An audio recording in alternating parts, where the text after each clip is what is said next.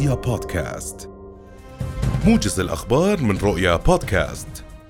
أدانت وزارة الخارجية وشؤون المغتربين اليوم إقدام وزير الأمن القومي إتمار بن كفير في حكومة الاحتلال الإسرائيلي على اقتحام المسجد الأقصى المبارك الحرم القدسي الشريف محذرة من التبعات الخطيرة للسماح للمتطرفين باقتحام المسجد وممارساتهم الاستفزازية تحت حماية شرطة الاحتلال.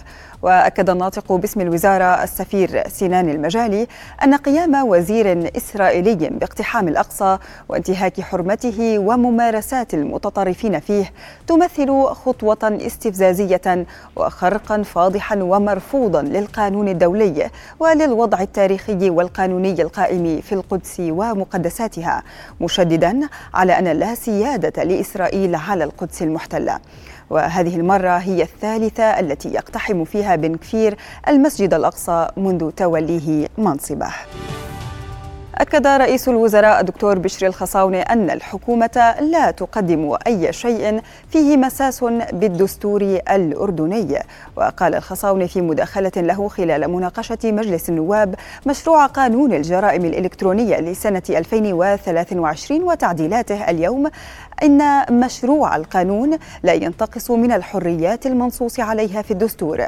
هذا وشرع مجلس النواب بمناقشة أربعة مشاريع قوانين أحيلت إليه من لجانه المختصة. أبرزها مشروع قانون الجرائم الإلكترونية لسنة 2023 دعا مدير المعهد المروري العقيد رائد العساف المواطنين إلى معرفة عدد النقاط المرورية المسجلة بحقهم حتى لا يتفاجؤوا بسحب رخصهم.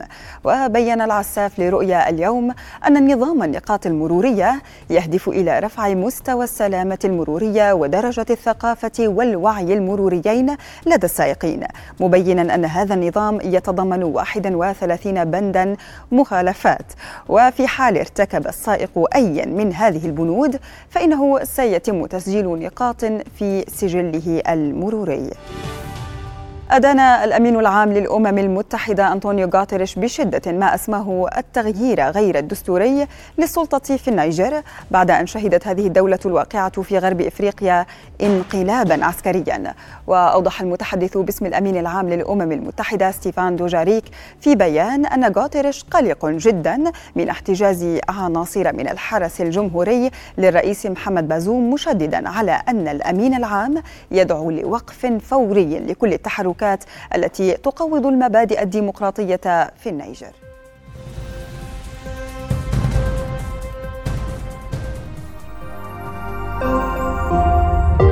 رؤيا بودكاست.